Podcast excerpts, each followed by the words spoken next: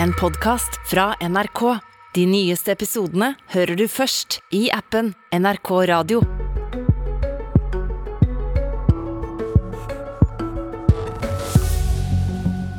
Langs kysten skjelver oppdrettere og ordførere etter rykter om hardere skattlegging av laksebransjen. Vi tar debatten om grunnrenteskatt. Og på Vestlandet har SV-politiker fått nok av KS midt i lærerstreiken. Kan det tenkes at medlemmer forlater organisasjonen? Velkommen til Politisk kvarter. Fredag snakka vi om grunnrenteskatt for havbruksnæringa i denne sendinga. I et år der statsbudsjettet blir stramt, er dette en ny mulig skatt som er ferdig utgreia, og som kan dra inn sju milliarder.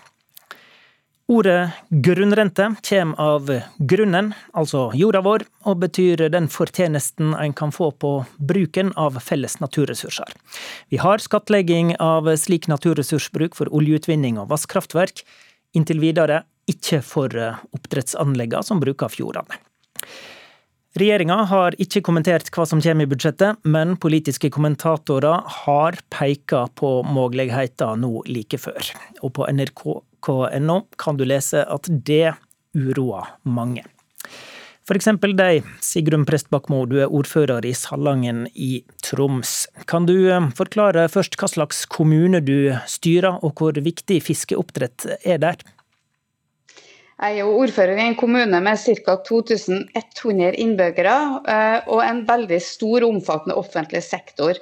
Eh, og Det som havbruksnæringa betyr i Salangen, det er jo bl.a. 130 arbeidsplasser og en mer stabil bosetting av befolkninga. De er hos eh, en liten familieeid bedrift eh, med veldig nær tilknytning eh, til lokalsamfunnet og har et stort engasjement for lokalsamfunnet. Noe som gjør at de investerer i lokalt næringsliv, de handler varer og tjenester lokalt, og de investerer i lokalsamfunnet. Mm. Og de har et veldig sterkt fokus på å investere i bærekraftige løsninger, for de vet hvilken verden vi er på tur inn i. Mm. Hva er du redd for nå, da? Jeg er jo redd for at for det første må jeg si at jeg er egentlig ikke så veldig redd. Eh, for diskusjonen om grunnrenta den er egentlig lagt død tilbake i tid eh, av et stort flertall på Stortinget, og det er jeg veldig glad for.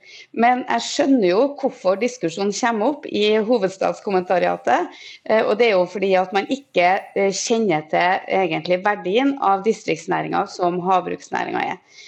Dersom man nå begynner å lefle med grunnrenteskatten, så begynner man også å eh, på nytt lefle med verdien av distriktsnæringer. Og man ønsker å putte sugerøret i de lokale, eh, regionale og familieeide ressursene på en måte som kommer til å rasere kystsamfunn langs hele kysten dersom det blir realisert.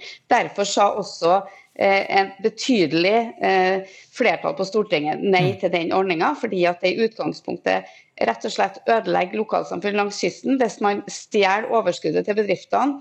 Eh, og I tillegg så skaper det en voldsomt stor strekk i laget mellom store og små bedrifter. og Det ønsker ikke vi. Det er også slått fast i Hurdalsplattformen.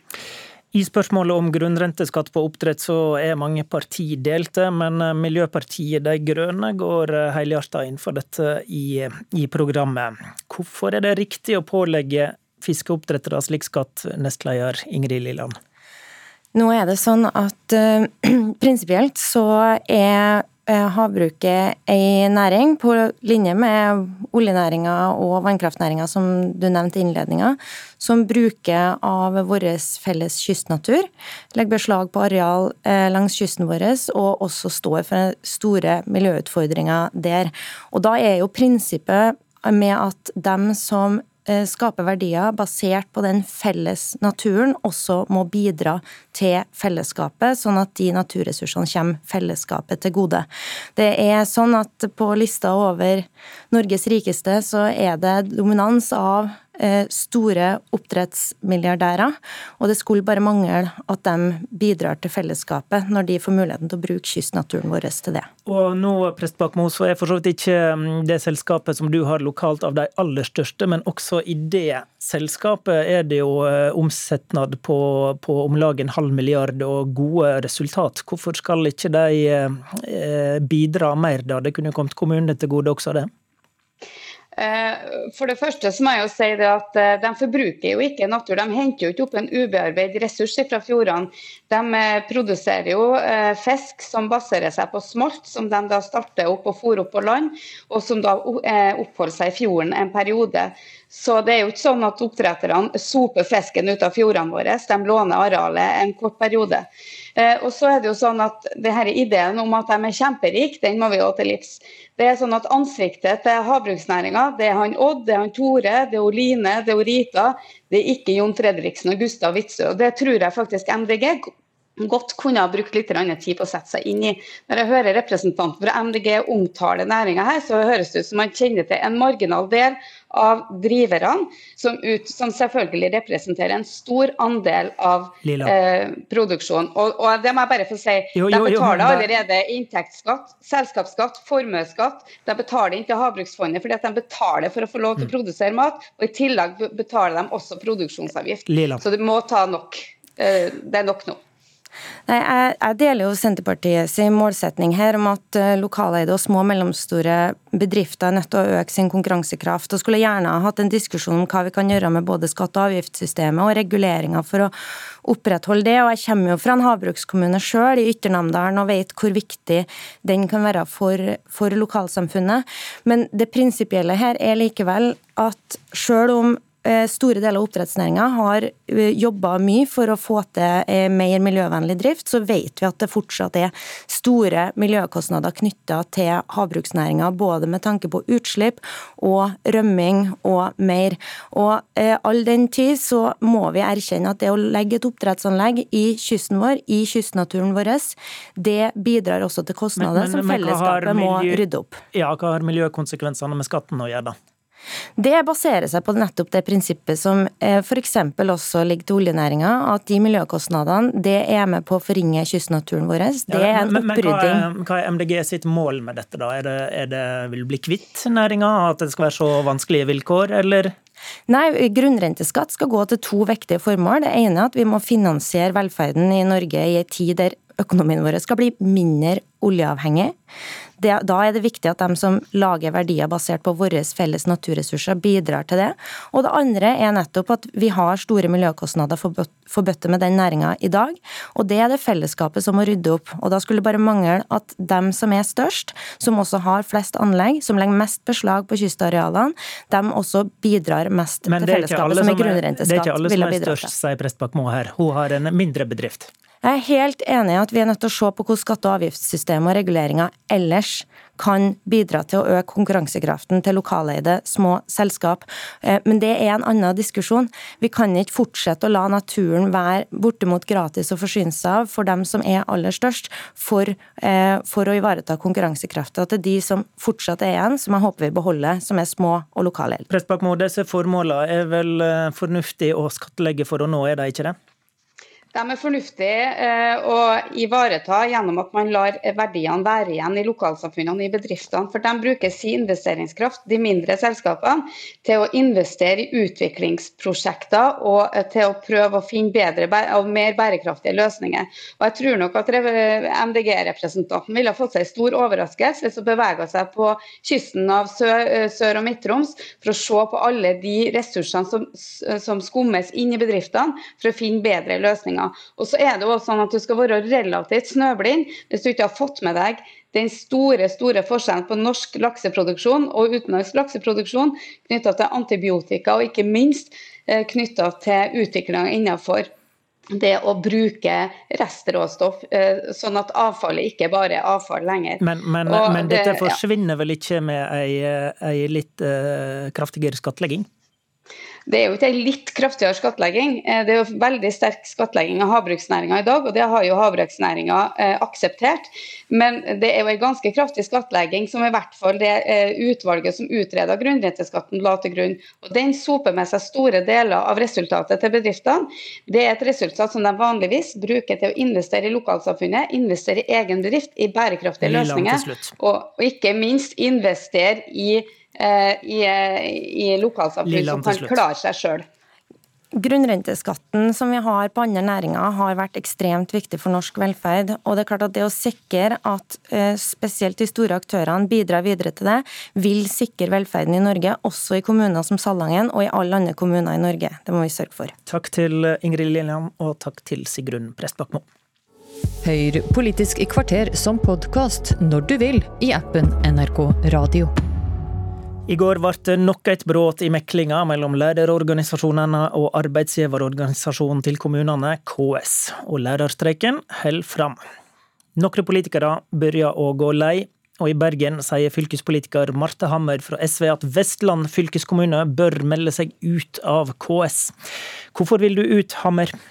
Altså Nå er situasjonen at vi har eh, elever i landets nest eh, største by, Bergen, som har eh, mista måneder med skolegang. Og i innspillet fra Vestland til KS så nevnes lærerne, men KS har på en måte valgt å ikke forholde seg til det. Eh, I stedet så har vi da altså en arbeidsgiverorganisasjon for kommunesektoren som har låst seg fast, og som ikke evner å finne løsninger og komme til enighet med en av de aller største yrkesgruppene i kommunesektoren. Og Da tenker jeg at det er både rett og nødvendig å diskutere om KS og måten KS er organisert på er den beste måten å ivareta arbeidsgiverorganisasjonen for kommunesektoren. Noen kjenner sikkert til at Oslo er et eget tariffområde. Der har Oslo kommune blitt enig med lærerne, og det er grunnen til at det ikke skulle streike i hovedstaden. Er det, er det det du ser for deg da?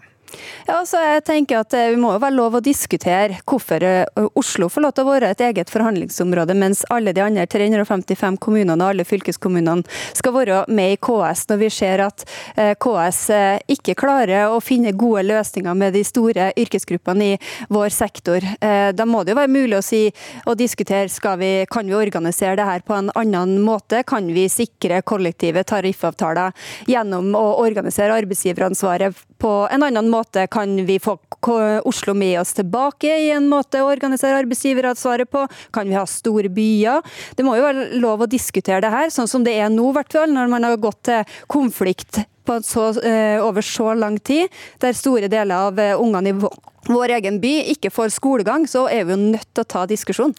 Ja, vi tar iallfall diskusjonen. Jostein Jones, du er Senterpartipolitiker og er fylkesstyreleder for KS um, i Vestland. Um, hvorfor syns du systemet vi har, fungerer?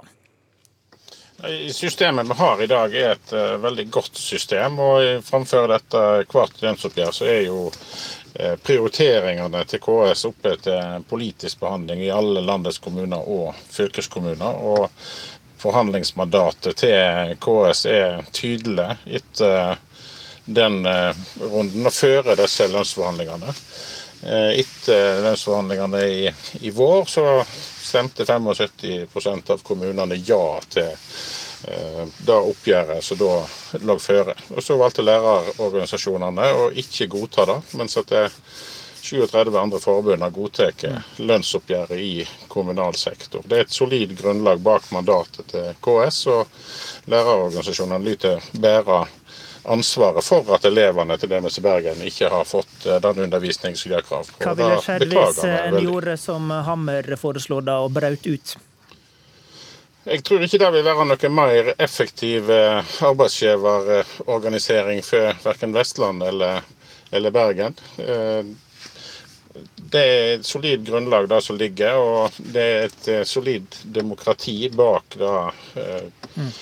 det mandatet som forhandlingsutvalget til KS har hatt. Mm. Hammer, eh, det, I Oslo har de kommet til en løsning fordi at de har òg hatt arbeidstidsavtalen til lærerne oppe. Det var KS ferdig med tidlig i, i høst. og det òg var ganske store penger. Så det var et større handlingsrom i Oslo enn det har vært i resten av landet. Skjønner. Hammer, dette er demokratisk, sier Jones. Ja, altså jeg har jo sjøl sittet i fylkesutvalget og diskutert debattnotatet til KS. Det er jo ikke akkurat sånn at det er trangt om plassen på den talerlista, eller flust med forslag. Det her går jo i all hovedsak gjennom formannskap og fylkesutvalg uten nevneverdig debatt. Og teller du da de Vestland og Rogaland, som begge toene var fylker som hadde spilt inn lærerne i sine innspill til KS, så representerer jo det 20 av eh, landets befolkning, egentlig. Og Derfor så mener jeg at man må jo diskutere hvor demokratisk det er, og spesielt at man har dekking for å være så uforsonlig. Jeg tenker jo at KS i stedet burde ha jobba for å ha en god dialog med de store yrkesgruppene. og akkurat Lærerne er jo ikke en liten yrkesgruppe, det er jo 40 av eh, yrkesgruppene i, kommunal sektor, og, og flertallet av dem i fylkeskommunen. Så er jo viktig å ha, eh, sikre gode Jonas, løsninger. Til slutt om dialogen her. Ja, Dialogen eh, det gjelder om å engasjere seg i de fora som er, og det gjelder jo òg Marte. Som kan eh, stille opp på de møtene som er og debattere dette. Takk til Jostein Jones og Marte Hammer. Du har hørt en podkast fra NRK. De nyeste episodene hører du først i appen NRK Radio.